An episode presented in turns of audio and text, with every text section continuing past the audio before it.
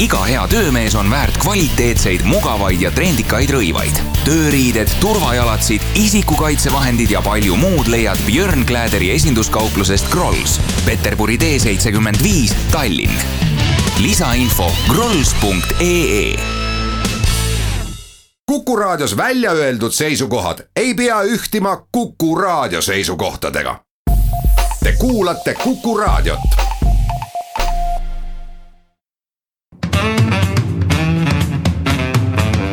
Muuli ja Riikoja.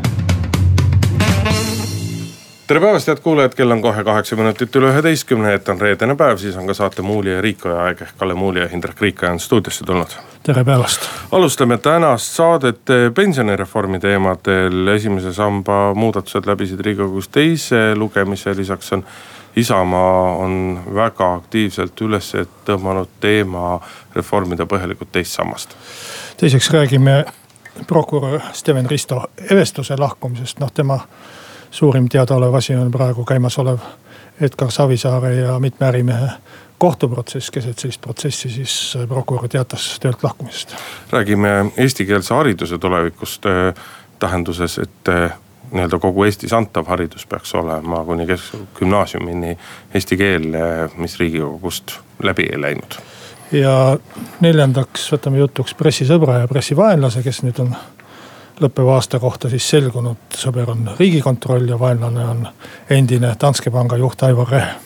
ja saate lõpetuseks sellel nädalal asus ametisse uus kaitseväe juhataja Martin Herem.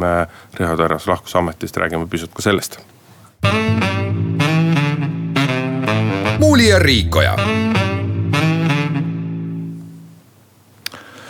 alustame siis pensionireformiga, mis läbis kolmapäeval riigikogus teise lugemise.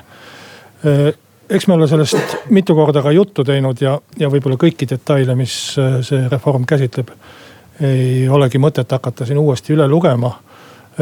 pensioniiga siis muutub, kuuskümmend viis aastat saab põhjaks ja sellele, seda siis muudetakse vastavalt oodatavale elueale. aga kõige suurem vaidlus on seni käinud selle üle, äh, kuidas äh, teha pensioni esimene sammas, et kas see peaks sõltuma ainult palgast, ainult tööstaažist.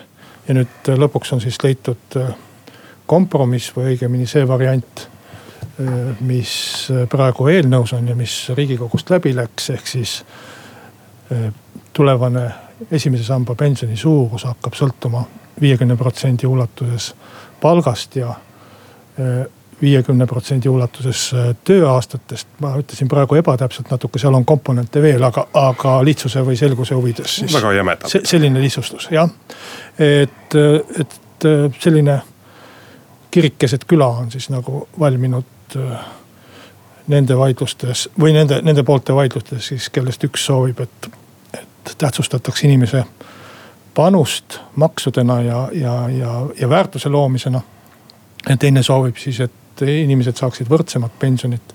sest tegelikult selle tööaastate eh, poole taga on see, et eh, kuna palgad on väga erinevad, siis kandub see ka pensionitesse, see erinevus ja, ja kuna pensioniraha on niigi väike, siis see see, see kõige väiksem osa pensionist saab olema selline, et inimestel tekib väga suuri raskusi sellest äraelamisega.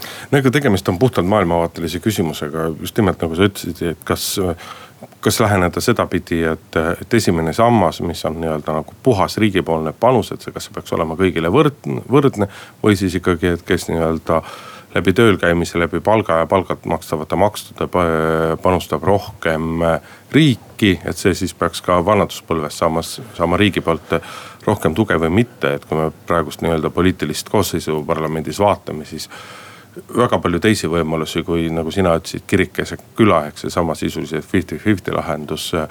Väga palju muud nagu võimalust ei olekski olnud, et ükskõik kummale poole seda keerata, siis oleks sellele suhteliselt lõputud vaidlused järgnenud ja. ja ei oleks lootuski, et see riigikogu koosseis võiks selle, võiks selle vastu võtta, ütleme siis niipidi.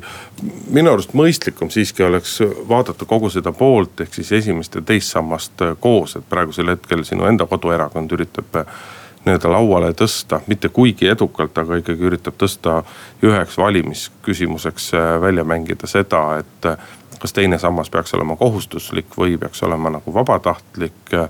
et, et hea oleks need asjad nagu koos neid asju koos lahendada, miks seda nii-öelda koos lahendamist ei oodatud. noh, ma eeldan sellepärast, et, et ei ole ju mingisugust teadmist ega ja kindlust, et kes nii-öelda järgmises parlamendis saavad nii-öelda pumba juurde, ehk kes saavad seda määrama hakata. jah, minu meelest võib teha nii ja võib teha naa, et kui me praegust kolmesambalist pensionisüsteemi ju tehti ka nii, et tehti mitme otsusega, et kõigepealt otsustati, et on üldse kolm sammast. siis kehtestati, tehti sellest kolmest sambast esimene ära ja siis teine ja kolmas tehti koos äh,. oli vist nii jah, et, et põhimõtteliselt saaks ju ka praegu neid asju eraldi vaadata. aga, aga kuna, kuna mõlemad küsimused on korraga üleval, pensionireform ja, ja ka teise samba võimalik reformimine ja selge on see, et teise sambaga tegelikult on palju rahulolematust ka nende seas, kes äh, otseselt ei poolda äh, seda Isamaa seisukohta, et äh, muuta ta vabatahtlikuks. et ka, ka siis, kui see jääks kohustuslikuks edasi, tuleks ikkagi seda teist sammast kõvasti kohendada. selleks, et seal tootlus oleks normaalne, et, et normaalsem, normaalseks ta ei saa ilmselt iial. aga, aga et, et raha seal otseselt ei häviks. ja, ja ka väljamaksete osa, mis on praegu täiesti ebaõnnestunud tuleks, tuleks üle vaadata, aga see selleks, et räägiks veel sellest viiekümnest, viiekümnest. et seal on mu isiklik selline maailmavaateline seisukoht on, et pension peaks sõltuma inimese palgast. me peaks innustama inimesi rohkem tööd tegema, rohkem õppima, edasi püüdma see oleks kasuks kõigile, nii inimesele endale kui ka ühiskonnale tervikuna maksudena. ja, ja seda motivaatorit ma arvan, et ei, ei peaks ära kaotama, mis praeguse pensionisüsteemi näol on olemas. ma saan aru, et kahekümne aastased inimesed ei mõtle pensionile ja ei tööta selle mõttega.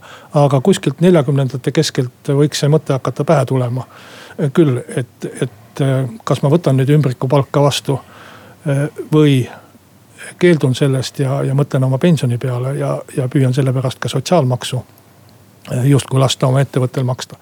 et selles mõttes minna nüüd ainult tööaastate peale oleks üsna niru mu meelest. see tähendaks ikkagi sellist täielikku võrdsustamist.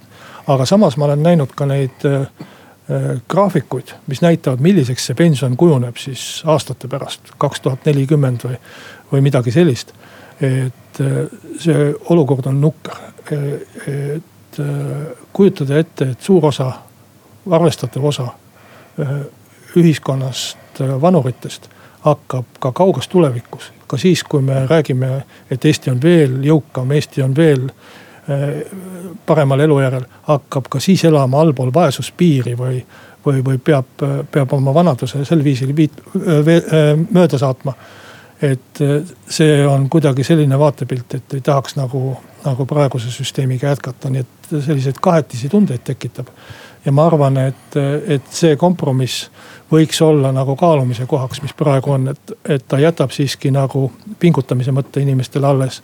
ja samas ei saada ka päris kõiki, kõiki kehvema palgaga inimesi vaesusesse, aga eesmärk peaks meil tegelikult olema see, et palgad kasvaksid ühest küljest jah, tahaks olla põhimõtte pärast vastu vaielda ja, ja viidata just nimelt sellele, et. et see esimese samba pension saab olema nagunii nii väike, et kas nüüd et, et kas seal on mõtet hakata selles esimeses sambas inimestel vahet tegema. aga, aga, aga olemuslikult just nimelt see on väga paljuski on see küsimus just nimelt see tänase päeva inimeste maksukäitumise küsimus, et, et et inimesel lisaks sellele, et lihtsalt saada rohkem raha, peab inimesel veel olema mingisuguseid motiva-, motivaatoreid. et seda raha nii-öelda teenida ametlikul viisil ja et riik kõik oma maksud kätte saaks.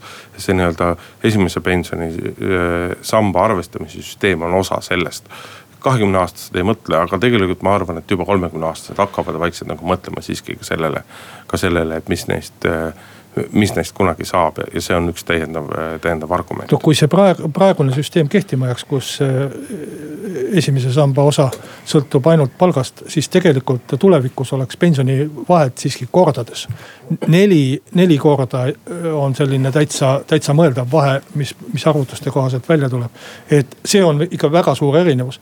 aga, aga ma arvan, et me nagu valesse kohta rõhume, et me peame, peaksime vaatama äh, rohkem selle palga peale, mis inimesed teenivad, et see peab olema selline palk, millest inimene ära elab nii, nii ja praegu viimasel ajal on olnud rõõmustavalt äh, hea see palgatõus, nii keskmise palgatõus kui ka miinimumpalga tõus. miinimumpalka on tõstetud, ma arvan, et noh, peast võin nüüd eksida numbritega, aga kui ma ütlen, et viimase viie aasta jooksul on miinimumpalk kahekordistunud. umbes kahesaja seitsmekümnelt eurolt viiesaja euro peale, mis hakkab, äh, mis on ja, ja, ja mis ta kasvab veel et, et see on väga hea tendents ja see on nagu lootusrikkam kui see, et me kunagi jagame seda pensionit ümber. ma sellesse pensionisse, riiklikusse pensionisse üldse ei usu.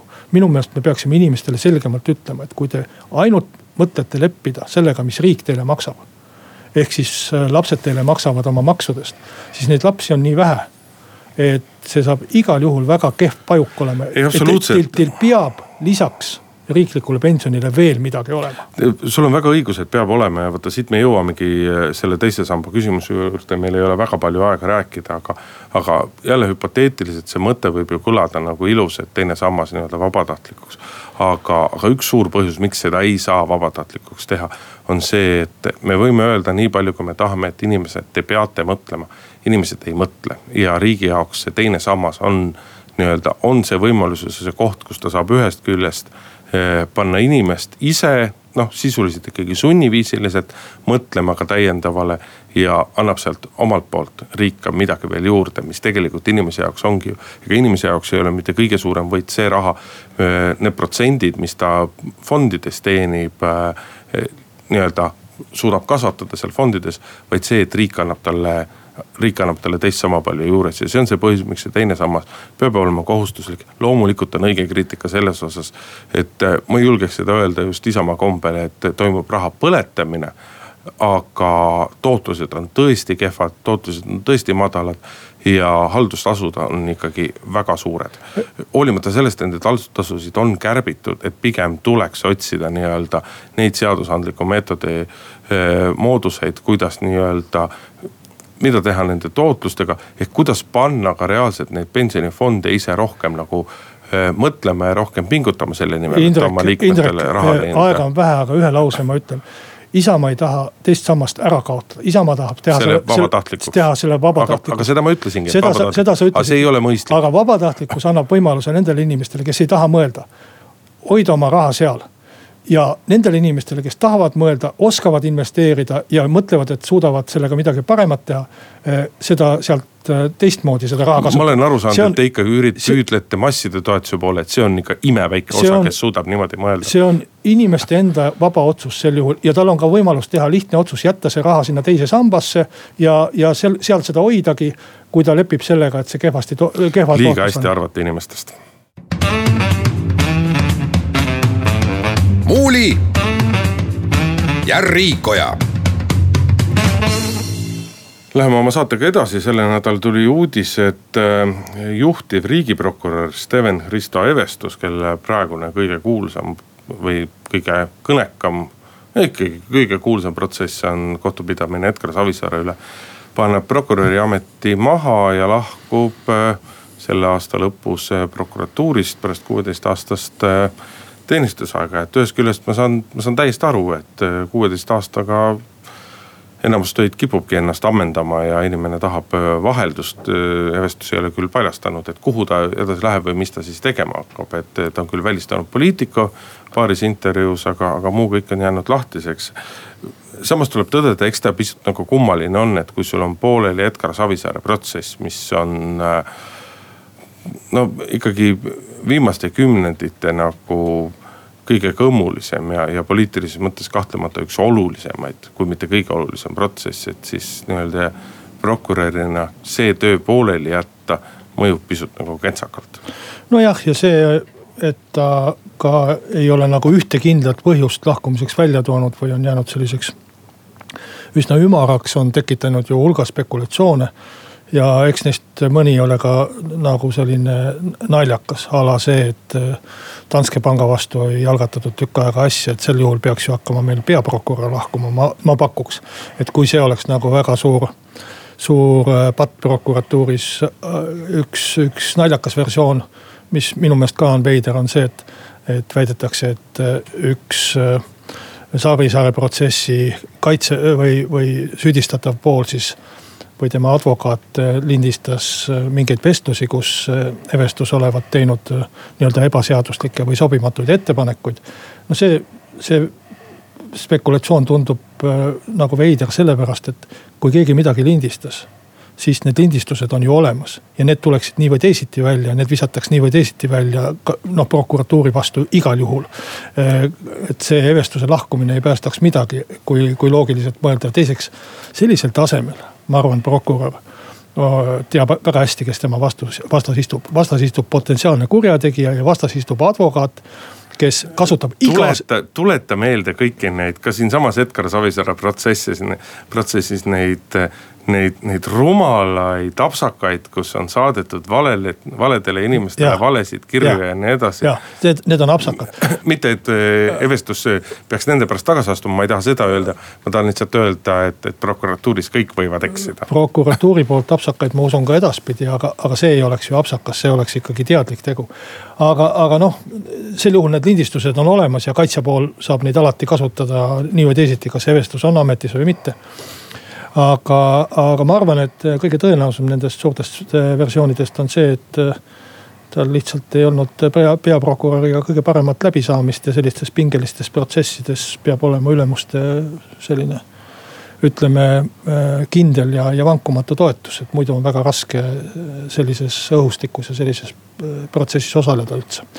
ja, ja ma arvan, et see on nagu peapõhjus ilmselge on see, et olla kuusteist aastat prokuratuuris erinevatel ametikohtadel, et see kogemuste pagas, see teadmiste hulk, mis sealt koguneb, et nii-öelda leivata jäämist ei pea ta pelgama, kui ta on valmis õigussüsteemis nagu jätkama, et siis minna advokaadiks mida mõnda ministeeriumisse, kuhu iganes, et noh, neid võimalusi, kogemusi, teadmisi, kõike on küll, et eks siis aeg näitab, mis on, aga, aga noh aga see minekuhetk on tõesti pisut pentsik. no kõige tähtsam oleks see, et Savisaare protsess saaks jätkuda vähemalt riigiprokurör või prokuratuuri poolelt.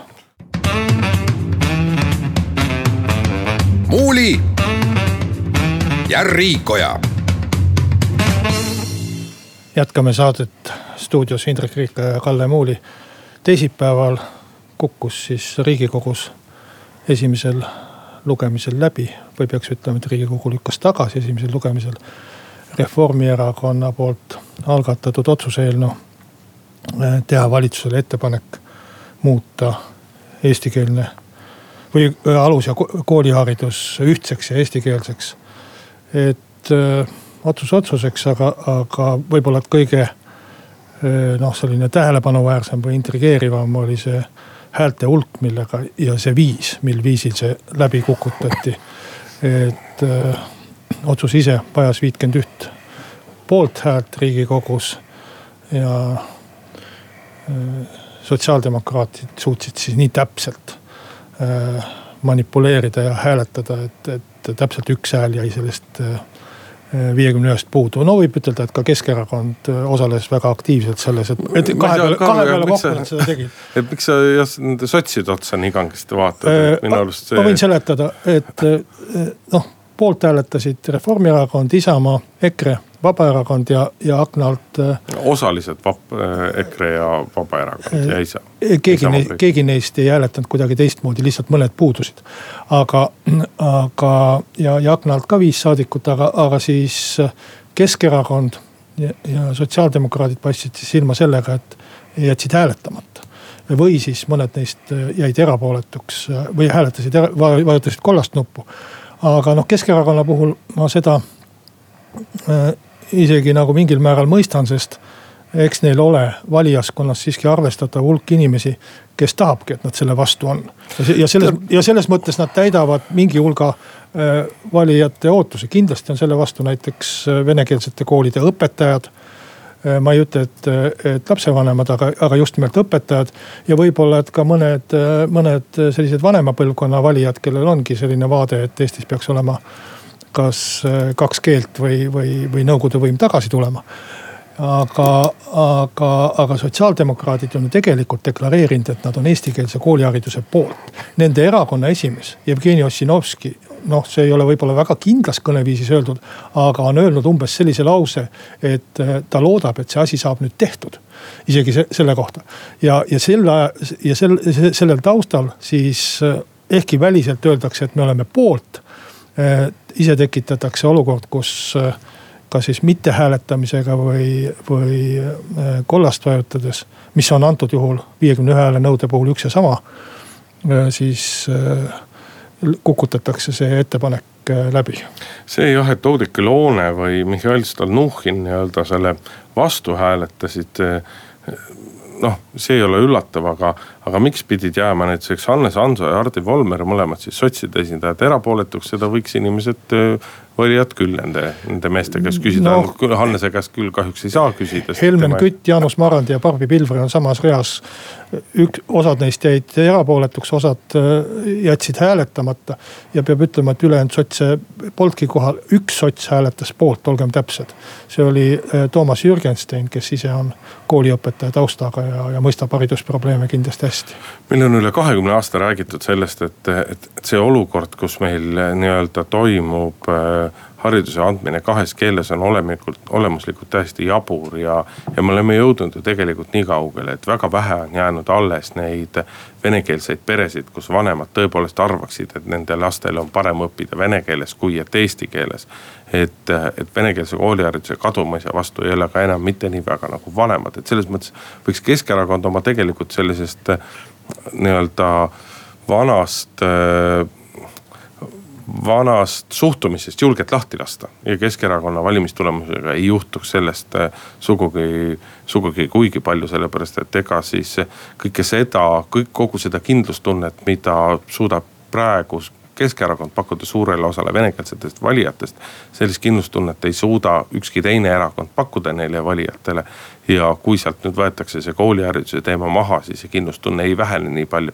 et Keskerakond peaks äh, tõsise häältekao pärast muretsema aga see olukord on jätkuvalt Eesti Vabariigis täiesti skisofreeniline ja, ja oleks ammu aeg see ära lõpetada ja, ja ja noh, me oleme siinsamas saates seda rääkinud, et kui me vaatame nii-öelda läbi aastate kogu seda protsessi, siis meil on ju korduvalt see lõpetamine ära otsustatud. aga ei ole jätnud poli-, jätkunud poliitilist selgroogu nende otsustega nii-öelda ka selgelt ja jõuliselt edasi minna. ja no see, see on häbiks Eesti riigile. nojah, siin, siin tegelikult äh, ütleme nii, et Keskerakond siin üksi ei saaks sellele praegu vastu seista, isegi sel juhul, kui ta on äh, valitsuse juhtiv erakond, et kui kõik teised erakonnad oleks taga. Ja sellepärast nagu ongi jube kurb, et sotsiaaldemokraadid, kes nagu sõnades toetavad, tegelikult tegudes leiavad võimaluse äh, see läbi kukutada. Äh, üks asi, mis nagu mind selle no,. nagu Reformierakond paari nädala eest ÜRO ränderaamistiku. absoluutselt, absoluutselt, et, et täiesti, täiesti sellised nagu silmakirjalikkuse sellised klassikalised äh, näited, aga, aga üks asi, mis mind selle Reformierakonna ette puhul, ettepaneku puhul siiski mõtlema pani, ma räägin nüüd siin seda haridusettepanekut. Äh, on see, et äh, kas see ettepanek ise ei ole mitte ka silmakirjalik, sest tegelikult, kui me vaatame Eesti seadusi ja Eesti olusid.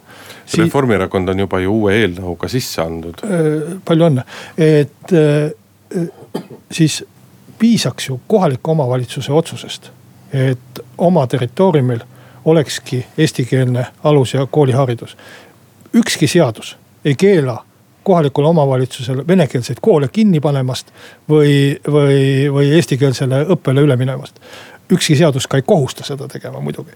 ja kui me vaatame neid kohalikke omavalitsusi, kus Reformierakond on võimul. võtame näiteks Tartu. miks Reformierakonna kohalik Tartu linnavalitsus Äh, juhitud Urmas Klaasi poolt juba aastaid. Miks ta ei kaota seal, miks ta seal vene koole kinni ei pane, miks ta seal eestikeelset äh, kohustuslikku äh, alus- ja, ja, ja kooliharidust ei kehtesta? Tartus on, on nii venekeelseid koole kui venekeelseid lasteaedu, mitte küll palju, aga on.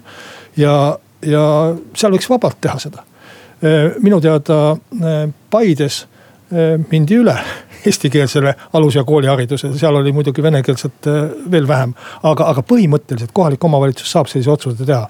ja, ja küsigem siis nüüd Reformierakonna käest, et miks teie kohalikud omavalitsused siis ei lähe, kui te nii väga tahate. et Isamaa küll teeb seda, et seal, kus Isamaa on võimul noh, need ei ole väga suured linnad just, aga, aga. no õigupoolest neid linnu väga ei olegi. aga Paide linnapea Priit Värk tegi selle asja ära ja, ja tema on äh, Isamaa ridadest ja, ja see näitab. noh, Paides ei olnud ka muidugi väga suurt probleemi et selles mõttes sa, sa ikkagi võrdled praegu nagu võrreldamatuid no, asju. Et... mitte, et olemuslikult see vale oleks. me, no, ma arvan, et me teeksime kergitad... ka Tartus selle ära. et Tartus ei ole ka nii suuri probleeme. no ütleme, julgen võtta õhjemat mürki, et kui, kui Isamaa oleks Tartus võimul, siis ei tehtaks seda Tartus ma, ära. ma olen nõus, Indrek, ma olen nõus sellega, et Narvas on väga keeruline teha. ma olen nõus sellega, et Kohtla-Järvel on väga keeruline teha. ma ma olen nõus isegi sellega, et Tallinnas on väga keeruline teha. aga Tartus või Paides ei ole see keeruline, see on tahte küsimus rohkem. noh, ütleme, et Tartu puhul ei ole see nii lihtne, aga mida me ei tohi muidugi selle puhul äh, unustada, et miks on nii-öelda oluline, et see tehtakse ära riiklikult ja, ja see tehtakse ära ikkagi ka mõistliku ajakavaga.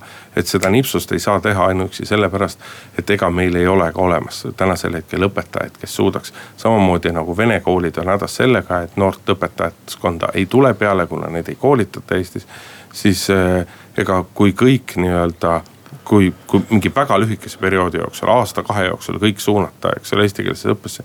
ega meil siis ei ole ka õpetajaid, kes suudaksid kõiki neid eh, kvaliteetselt ja hästi kõiki neid last, lapsi õpetada, et selles mõttes tehniliselt on see noh.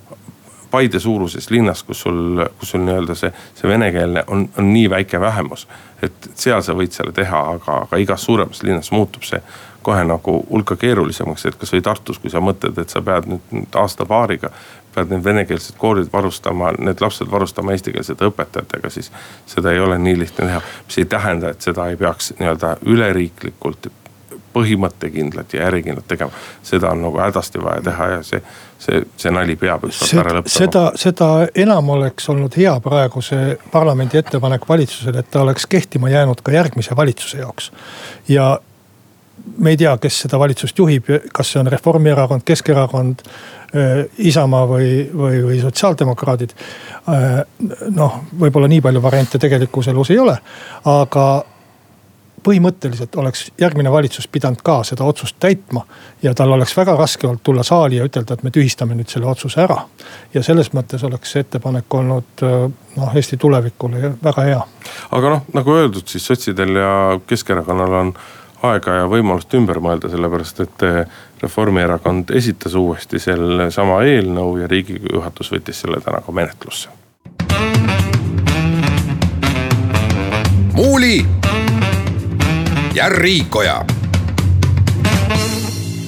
saate viimase osa juurde oleme jõudnud, Kalle Muuli ja Hendrik Riik jätkuvad stuudios. Eesti Ajalehtede Liit valis eile traditsiooniliselt pressisõbra ja pressivaenlase. pressisõbraks valiti riigikontroll, eriti nende selle sügisese auditi eest, mis siis äh, käsitles seda, et äh, valla ja linnalehed on kõike muud kui nii-öelda objektiivse sisuga, pigem on poliitiliselt kallutatud. ja pressivaenlaseks valiti Aivar Rehe, endine pangajuht, kellele heidetakse siis ette seda, et ta pole kogu Danske panga skandaali raames mitte midagi öelnud ja mina tunnistan küll ausalt, et mina häälmeelel kritiseeriks nagu kritiseeriks nagu mõlemat valikut, et, äh, et. Äh, ütleme niimoodi, et Toomas Mats on riigikontrolli ähm, pressijuhina, ta on vana staažikas kogenud ajakirjanik on osanud Eesti ajakirjanduse päris hästi nii-öelda enda kasuks tööle panna ja, ja, ja nii-öelda talle sobivat laulu laulma panna sellepärast, et Toomas teab lihtsalt suurepäraselt, kuidas ajakirjandus töötab, kuidas ajakirjandusele läheneda selle jaoks, et oma soovi eh, kõige kergemini saavutada ja, ja selles mõttes ütleme, et ajakirjandus võiks olla riigikontrolli puudutavates asjades tihtipeale palju kriitilisem. Ja mina ise oleks, kuna minu käest ka sellel nädalal ühel päeval küsite nõu, ajalehtede liiduga ei ole minul küll raadioinimesena mingit pistmist, aga küsite nõu, et keda, keda öelda ja siis mina minule meeldis väga pakkumine perearst Karmen Joller, kes räägib asjalikult, ilustamata suhtleb vabalt kõigiga ja on, on, on tõepoolest väga hea pressisõber. ja ka Aivar Rehe valimine pressivaenlaseks on selles mõttes noh, sihuke lihtsa vastupanu teed minek, et ta ei ole meile midagi öelnud, siis me nimetame enda pressivaenlaseks, et. et see, et Aivar Rehe ei ole midagi öelnud, see osaliselt tuleneb tema kindlasti tema töölepingustest, kus tal ongi keelatud midagi öelda ja mitmest asjast veel, et see, et inimene ei suhtle ajakirjandusega ei tee temast veel automaatselt pressivaenlast, arvaks mina. no mina seda ei usu, et Aivar töölepingus on keeld ajakirjanikega suhelda ja pangas äh, aset leidnud kuritegusid kommenteerida, et sellist, sellist töölepingut ei ole. tõesti, Aivar Rehe on oma suhtlemis, äh, äh, mitte, mitte suhtlemist põhjendanud sellega, et tal on mingi kokkulepe. kellega tal see kokkulepe on, mis asjus tal see kokkulepe on, miks ta sellise kokkuleppe sõlmis.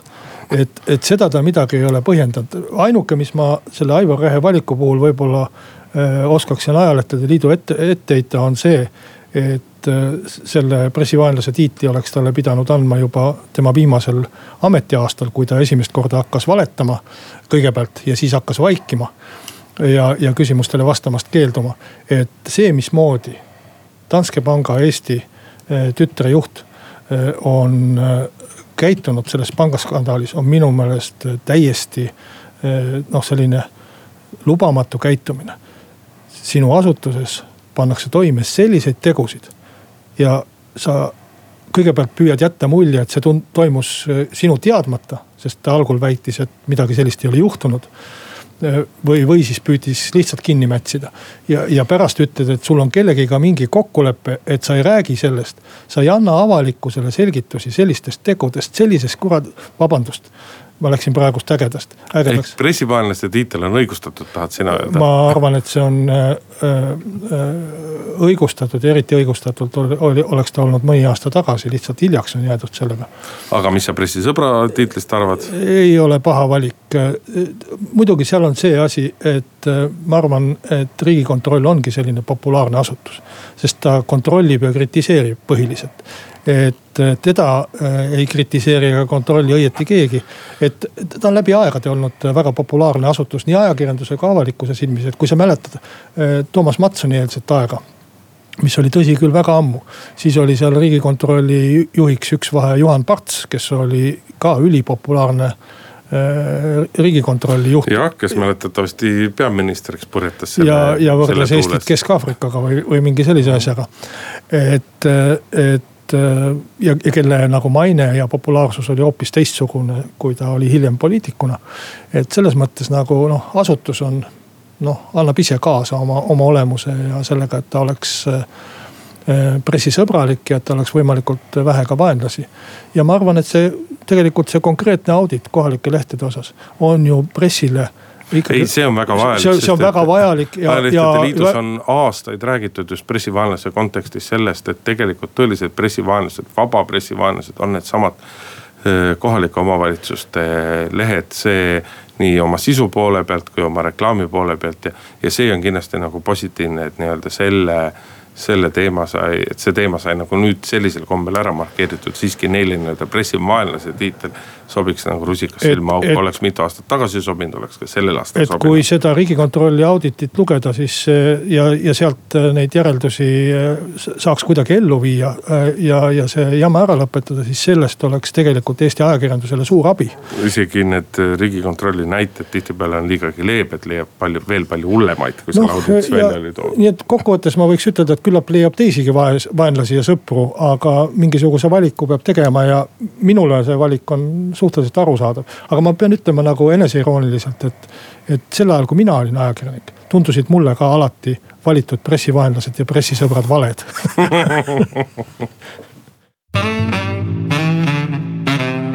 muuli ja Riikoja.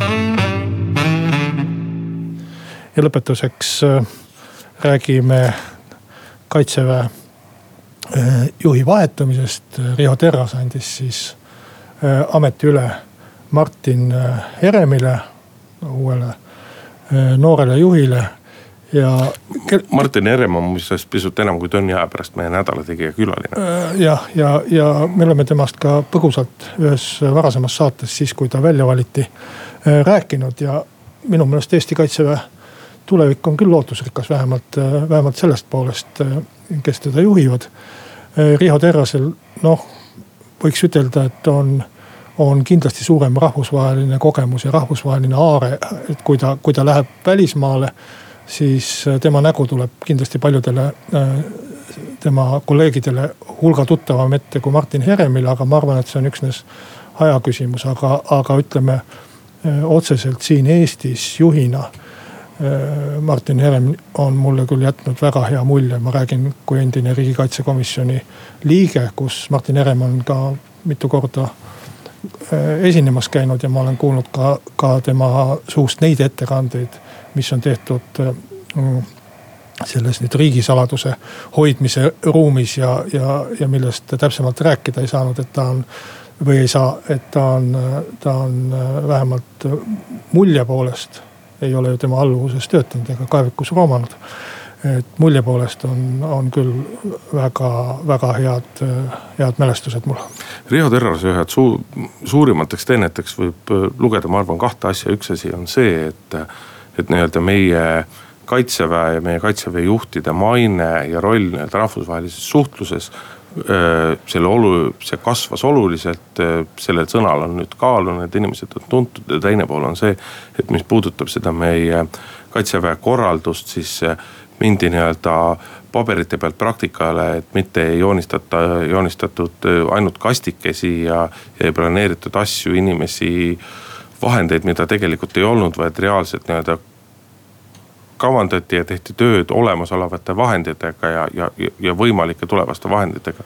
ja Martin Heremi ajal need kaks liini kindlasti lähevad edasi, et see on, see on nagu väga positiivne. no ter-, Terasele järelehüüdjaks peaks ka kindlasti ütlema seda, et lõppenud on kaitseministeeriumi ja kaitse jõudude vaheline selline rivaliteet või, või nägelus või mis iganes, et Terras vist vahepeal, kui ma õigesti mäletan, oli ka kaitseministeeriumi kantsler.